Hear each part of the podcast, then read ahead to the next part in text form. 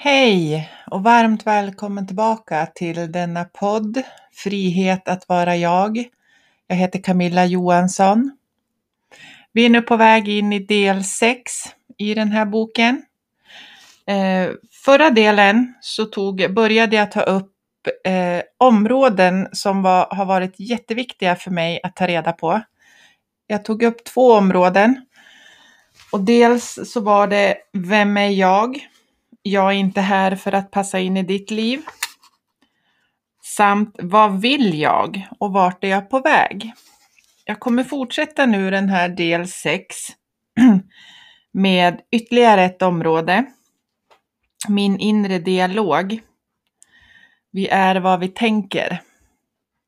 Så mm, vi kör tycker jag.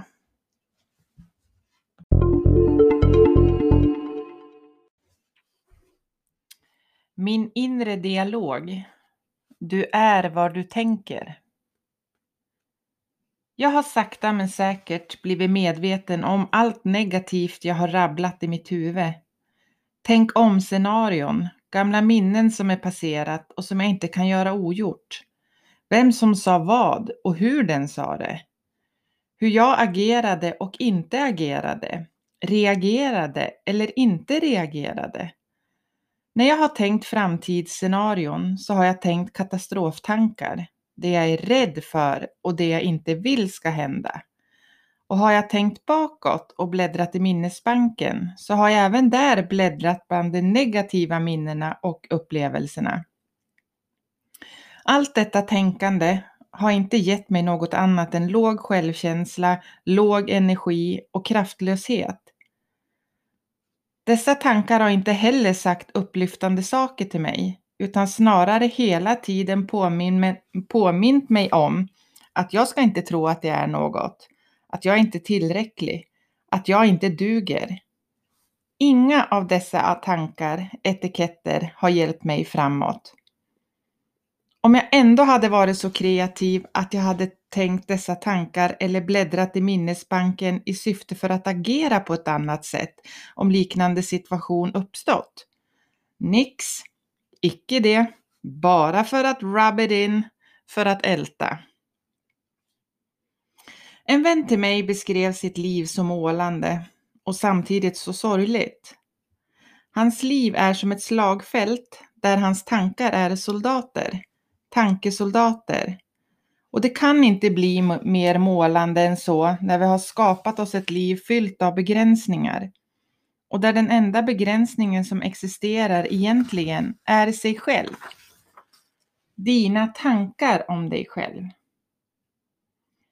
Denna kille är en otroligt kreativ och talangfull person, en riktig konstnärssjäl. Skapar film, foto, färg och form och även människokroppar.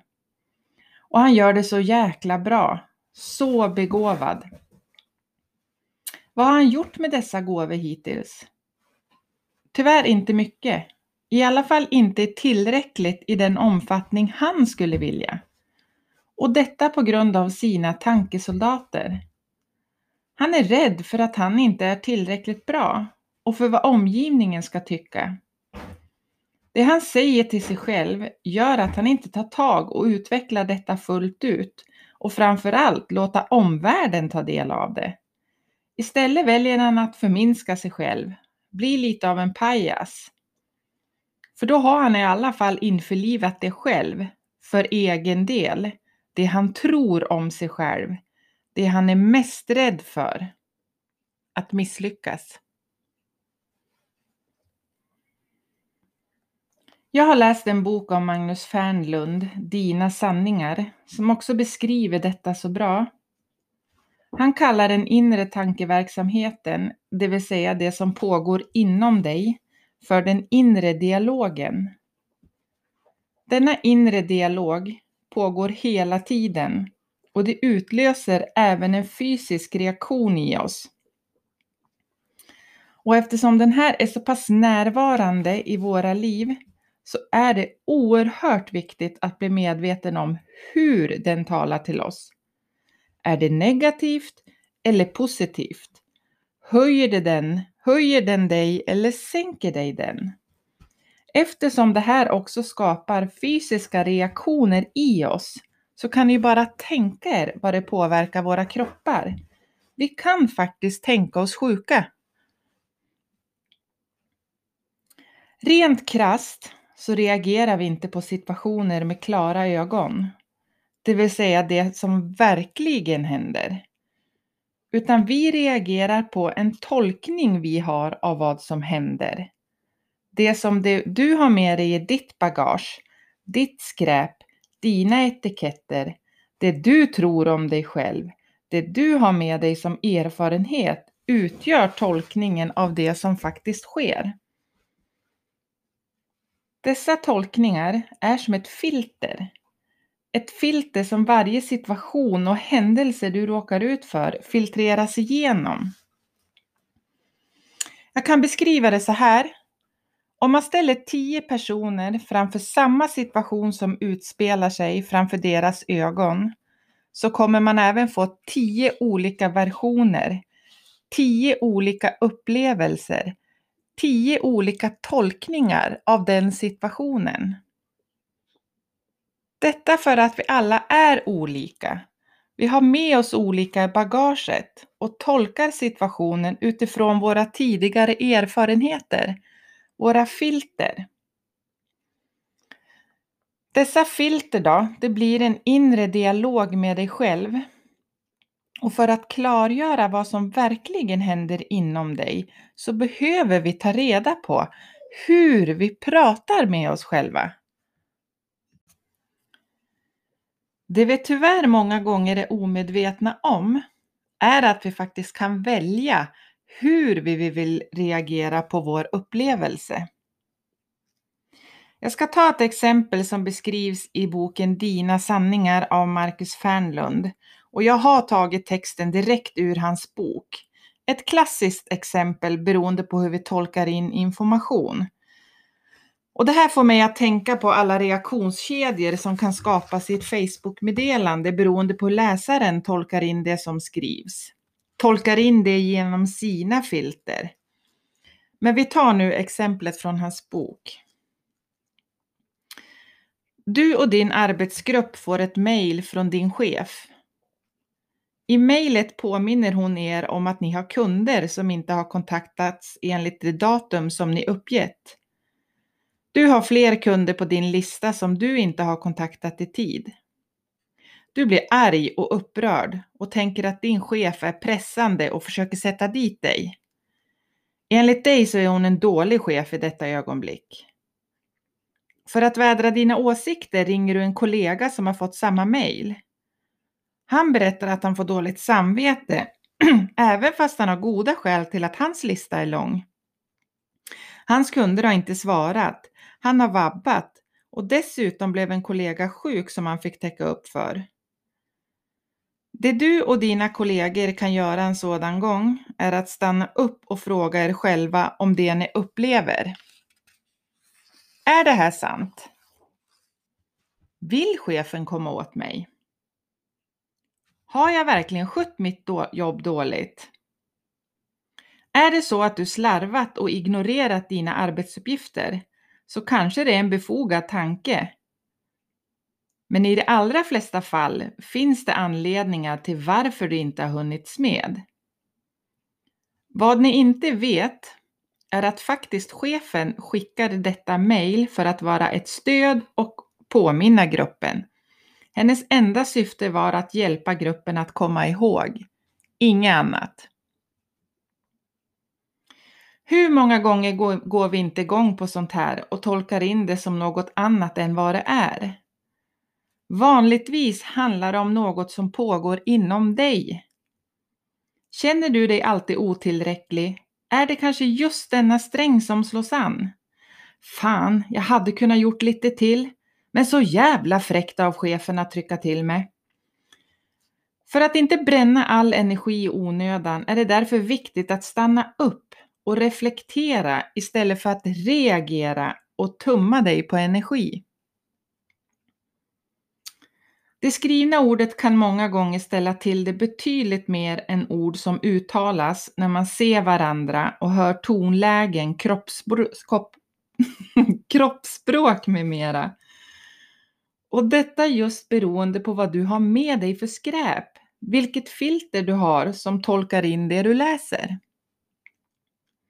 Jag kan ta ett exempel på min inre dialog, min inre sanning också.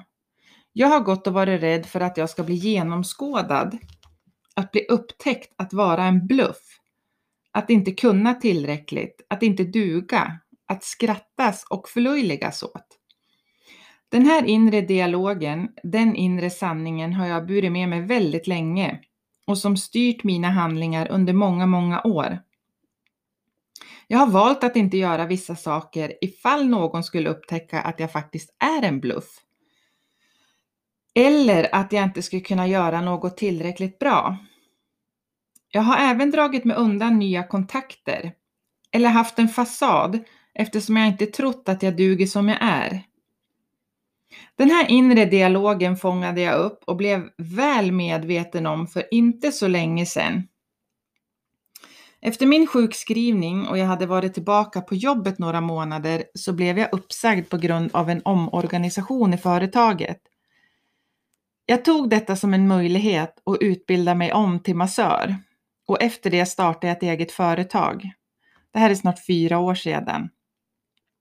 Jag hade inrett vårt garage i villaområdet till en jättemysig mottagning och jag tryckte upp superfina reklamblad och visitkort. Jag hade ett öppningserbjudande och tänkte dela ut detta till de som bor i närliggande område. Jag tror jag hade tryckt upp för ett hundratal hushåll. Jag minns att jag var så nöjd med bladen och ändå var det så svårt att ta in att det faktiskt var mitt egna företag att jag faktiskt vågat bryta med mitt gamla jobb, utbildat, utbildat om mig och mot alla rädslor, herregud de var många, att starta eget företag. Det ska gudarna veta hur svårt jag har haft att känna stolthet över mig själv och njutit av mina steg framåt. Jag hade som sagt byggt en jättemysig liten mottagning, men kunde inte riktigt ta in det hela utan gick med en klump i magen och kände mig inte riktigt glad.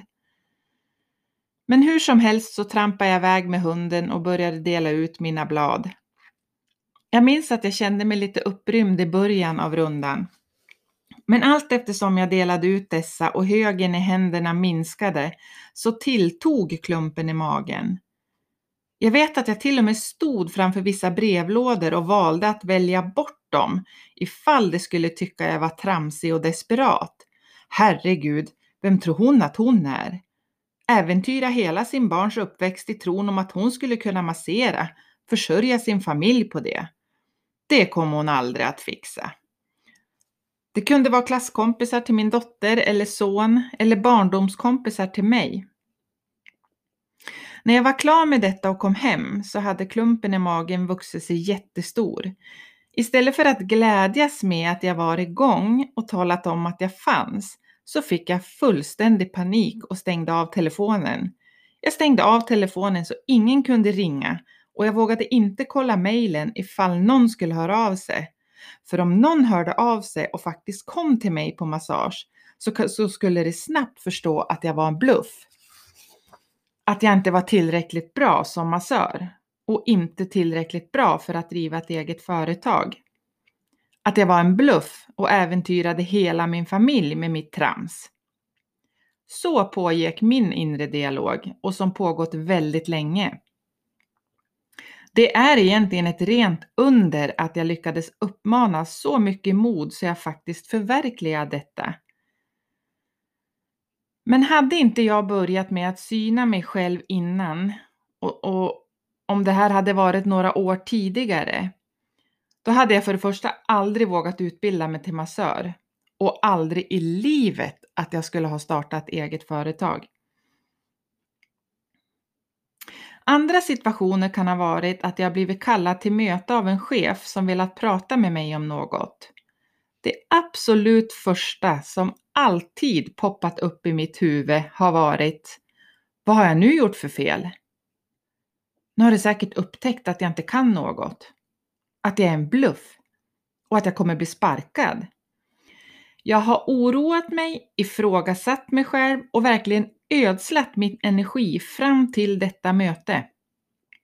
Och aldrig, inte en endaste gång har någon sagt att jag gjort något dåligt, för lite. Tvärtom. Men lik förbannat har jag gått med denna rädsla. Att komma till skott och skriva denna bok har även kantats med denna rädsla. Vad har jag att komma med? Jag lever ju inte som jag lär. Det kommer säkert att upptäcka att jag är en bluff. Nej, jag lever inte alltid som jag lär, men jag är medveten om det och jag tar idag steg för steg framåt i min riktning. Och för att sluta lyssna på denna trista dialog. Jag försöker istället ändra den så att den lyfter upp mig och ger mig mod. Då kommer vi tillbaka till det här med sociala medier.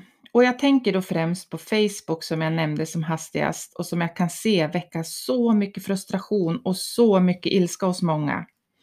Visst sveps jag med ibland också och speciellt de personer som delar med sig saker som gör att min känsla av otillräcklighet gör sig gällande. Till exempel de hemmagjorda julkorten som de har gjort i sin idylliska skaparverkstad alla julklappar som är inköpta innan första advent, julmat, julkakor som förbereds i god tid och så vidare. Tidigare har jag fan blivit förbannad och tycker att det är så jävla präktiga och fattar inte varför de måste dela sånt och ge oss dödliga människor dåligt samvete. Och det är just det som händer. Jag får dåligt samvete och känner mig ännu mer otillräcklig för att jag själv inte har en bättre plan inför julen som ändå återkommer varenda år och till och med på samma datum i samma månad. Jävla jul! Detsamma är det med andra uttalanden på Facebook som kan väcka som spridning på kommentarer. Och det här är ju helt beroende på hur läsaren väljer att tolka in det uttalandet. Hur dennas filter ser ut. Vet ni, jag har läst att varje dygn tänker vi 40 till 50 000 tankar. Av dessa är det cirka 5% som vi är medvetna om. Resterande 95% går på autopilot. Varje tanke vi har skapar en känsla i oss. Så ni kan ju förstå att många känslostormar kan rasa i oss och vi fattar inte vad som hände. Bara det borde vara en anledning att ta reda på vad vi tänker och vad vi säger till oss själva. Hur vår inre dialog låter. För om detta är sant och att vi vanligtvis också tänker negativa tankar och pratar negativt till oss själva så är ju sannolikheten stor att vi också kan göra oss själv sjuka. En annan dialog som jag har haft med mig är att jag alltid har förminskat mig själv i relation till andra som jag kanske ser upp till eller som jag tror har större kunskaper i ett område än vad jag har. Jag har sagt till mig själv att jag inte har samma värde för att jag inte kan tillräckligt mycket, tillräckligt bra som dem och att jag heller inte har rätten att ta någon plats i det sällskapet. Ja, summa kardemumma, inte tillräcklig och inte duger som jag är. Det har uttryckt sig i att jag blivit tillbakadragen, tystare, livrädd för hur jag ska uttrycka mig så att jag inte låter helt okunnig. Använt ord, ett språk som inte ens är mitt egna för att jag ska anpassa mig efter dessa personer. Jag tror säkerligen också att jag har sagt eller hållit med om saker som jag inte alls står för. Och detta har faktiskt skapat en fysisk reaktion i mig det har gjort ont i mig. Svårt att andas och ont i magen. Men lik förbannat har jag bara fortsatt. Jag tänker bara på det jobb jag haft tidigare där jag haft en enorm respekt för chefer och även en del kollegor. Och bara att skicka ett mail kan ha tagit en evighet just för att formuleringarna ska bli korrekta. Och då är det inte ens mina egna ord jag använt. Jag vet inte fasen om jag ens själv fattade vad jag skrev. Att se upp till en person är en sak. Det är otroligt inspirerande. Att våga inta en nyfiken position för att ge sig själv möjligheten att lära sig så mycket som möjligt. Och det är just inspirerande och berikande det ska vara. Inte att jag ska tro att jag behöver vara någon och besitta en massa kunskaper för att få vara värdig i någon annans sällskap. Jag tänker inte uppfinna hjulet en gång till eftersom jag tycker Marcus Fernlund gjort ett sånt fantastiskt bra jobb med dina sanningar. Verkligen, köp den boken och framförallt läs den.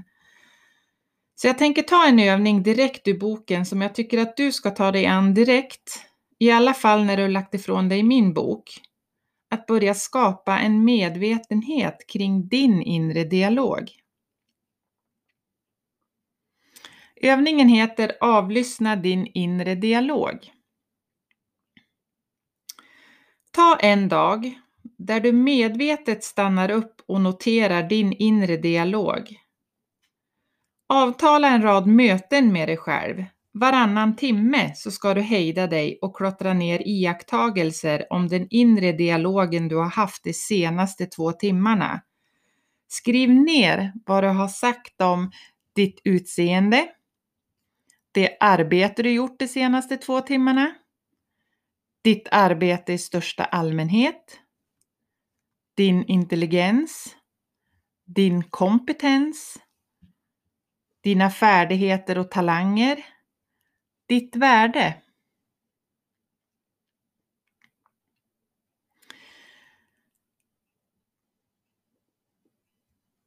Föreställ dig att du ska hålla ett viktigt föredrag på jobbet imorgon, några viktiga kunder, klienter samt ett flertalet arbetskamrater och din chef kommer att sitta där och lyssna på dig. Det är kvällen innan. Du ligger till sängs i mörkret och tänker på föredragningen. Vad säger du då till dig själv? Vilka budskap går igenom ditt huvud?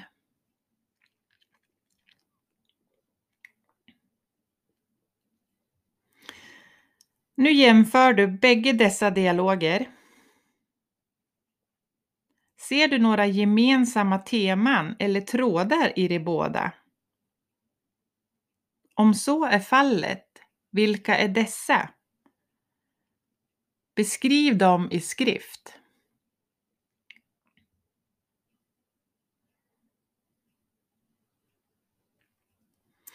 När du läser igenom vad du har skrivit Besvara då denna fråga. Vad för slags vän är du till dig själv under dagens lopp? Om du var en vän som viskade dessa budskap du antecknade, vad för slags vän skulle du vara då? Skapar du en aktiv skadad miljö åt dig själv och förstör din upplevelse av omvärlden? Eller kännetecknas det budskap du skickar till dig själv av rationell och produktiv optimism? Gör denna övning dagligen under en längre tid så kommer du att se vad som står i vägen för dig själv och för, och för att vara dig själv. Det är du eller den du tror att du måste vara och det du, och det du tror att du måste göra.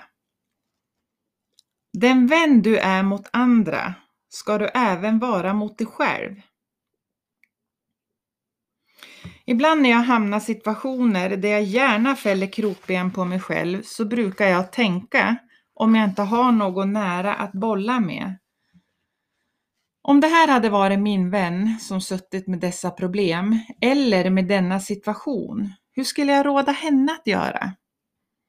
Det är skitbra och så jäkla läskigt eftersom det är betydligt lättare att ge råd och komma med klokheter till andra än till sig själv. En annan intressant dialog jag har gått med och kommer på mig själv att tänka än idag, det är när livet är riktigt gott. Kan man få ha det så här bra? Nej, det kan man inte, för nu kommer något säkert jobbigt att hända. Eller, Nu har det gått så himla bra för mig ett tag, så nu kommer det säkert komma en massa motgångar. Alltså herregud, varför ens komma med något sånt? Istället för att bara njuta av det som är och inte ställa in sig på sämre tider. Nu tror ju inte jag att det är någon annan där ute mer än mig med denna inre dialog. Men om det är så, släpp detta och njut av livet och det du har åstadkommit hittills. Ju mer vi lär oss njuta och känna tacksamhet, desto mer får vi i livet att njuta av och känna tacksamhet för. Jaga inte upp dig över vad människor gör eller säger. Låt dem göra som de vill, även om det inte passar in i dina ramar. Du lever inte deras liv och har ingen aning om hur det ser ut i deras vardag. Något som är fel för dig kanske är helt rätt för dem. Varför ens lägga energin på att reta upp sig på något du ändå inte kan förändra? Tro mig, de bryr sig inte ett dugg om dig. Sluta med att snacka skit om andra, skvallra. Sitt eller inte med och lyssna på andra skvaller och skitprat. Visst kan det vara intressant ibland, herregud vi är ju bara människor. Men skvaller, förtal och skitprat hjälper inte överhuvudtaget. Det får dig bara att vara kvar i en negativ snurr. För helt ärligt, när du har pratat illa om någon person, hur känns det egentligen i dig? Inga sköna känslor va? Så varför ens lägga tid på att skvallra om andra? Du borde ha fullt upp med att titta på dig själv istället. Handen på hjärtat nu. Hur många av er ältar inte gamla oförrätter fortfarande idag? Ja, herregud, det som har varit har varit. Varför spela upp en gammal film hela tiden? Och en film som är riktigt urkass också. Jag menar, hyr du en film på Statoil eller Hemmakväll som är riktigt dålig, inte går det tillbaka dagen efter och hyr den igen, eller veckan efter, eller månader och år efter. Har du sett den en gång, den var kass, då vill du inte se den igen. Eller? Varför inte göra samma sak med gamla oförrätter? Sluta hyr om dem helt enkelt. Är det svårt? Regissera om den så att den blir bra istället, som du hade velat att det skulle ha varit. Låt den gå på repeat så den skapar bra känslor hos dig istället för dåliga känslor. Fake it until you make it. Sen är det såklart väldigt intressant att kolla på vad det är som gör att du låter den fortsätta att gå på repeat. Vad är det som triggar igång alla dessa känslor att du måste köra om filmen på nytt hela tiden? Vad är det du behöver se? Eller vad får du ut av det? Jag har retat upp med något så vansinnigt på människor som jobbar långsamt. Som tar sina fikaraster med plustid och långa luncher och har mage på att klaga över att ha mycket att göra. Jag har även retat gallfeber på min man som kan lägga sig i soffan när han kommer hem från jobbet för att ta sig en powernap medan jag har stått med bitter, bitterheten uppe i halsen och städat med högerhanden och lagat mat med den vänstra. Men tänk om det är så att dessa är de smarta typerna. Och tänk om det är så att anledningen till att jag blir galen på dem är att jag inte har tillåtit mig själv att göra detsamma. För jag har haft en sanning, en inre dialog som sagt att det är att vara lat och att vara självisk. Så att se andra göra det jag själv inte har tillåtit mig, det gör jäkligt ont och gör mig frustrerad.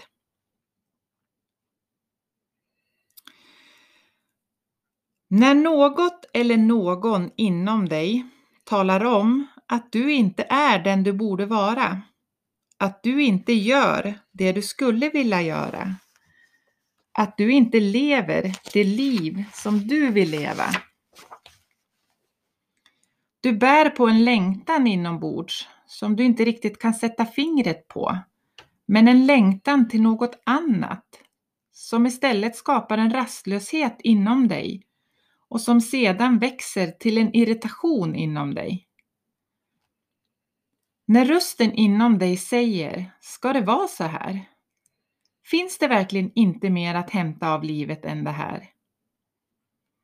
När dagarna, veckorna, månaderna, åren går och du går kvar i samma spår, springer i samma ekorrhjul och de gråa dagarna börjar bli fler än de ljusa. När inget känns roligt och när inspirationen och viljan att göra något är som bortblåst. När du paddlar på, kämpar för att försöka upprätthålla någon typ av balans, hålla huvudet ovanför vattenytan och där den där längtan efter något har ersatts av tomhet. Då du inte längre kan känna skillnaderna mellan de olika spektrumen av känslor. Du är plan, tom och bara matar på som en robot.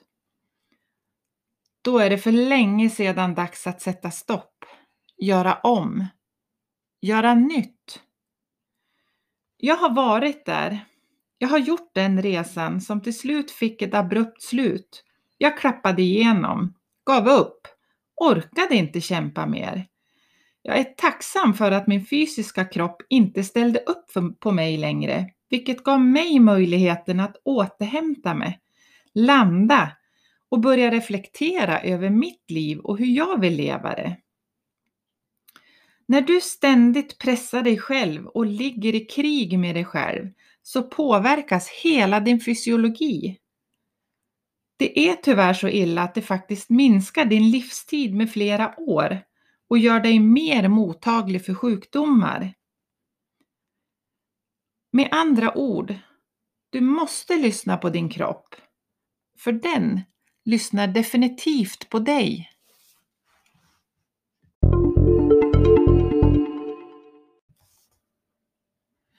Tack ännu en gång för att du lyssnade. Börja iaktta dig själv nu. Jag tänker bara av att lyssna på det jag säger, vad väcker det för reaktioner i dig? Är det någonting som triggas i dig? Det gör ont att erkänna saker för sig själv. Men någonstans så är det som enda vägen om vi vill förändra, att faktiskt titta på sig själv helt naket och ärligt och vad det är man gör mot sig själv. Eh, jag vill fortfarande hej hej säga, dela dina reflektioner, tankar, ställ frågor. Jag tar mer än gärna emot dem. Maila till info camillanj.com eller gå in på www.camillanj.com så finns det kontaktuppgifter även där. Jag ser verkligen fram emot att få ta del av dina, dina reflektioner och kanske dina insikter som du har fått medan du har lyssnat på den här podden. Eh, vi börjar närma oss slutet. Eh, det är två delar kvar. Kommande del kommer eh, innehålla några områden till som jag har behövt medvetengöra för mig själv. Så fortsätt häng kvar. Ta hand om dig. Stor kram. Hej då!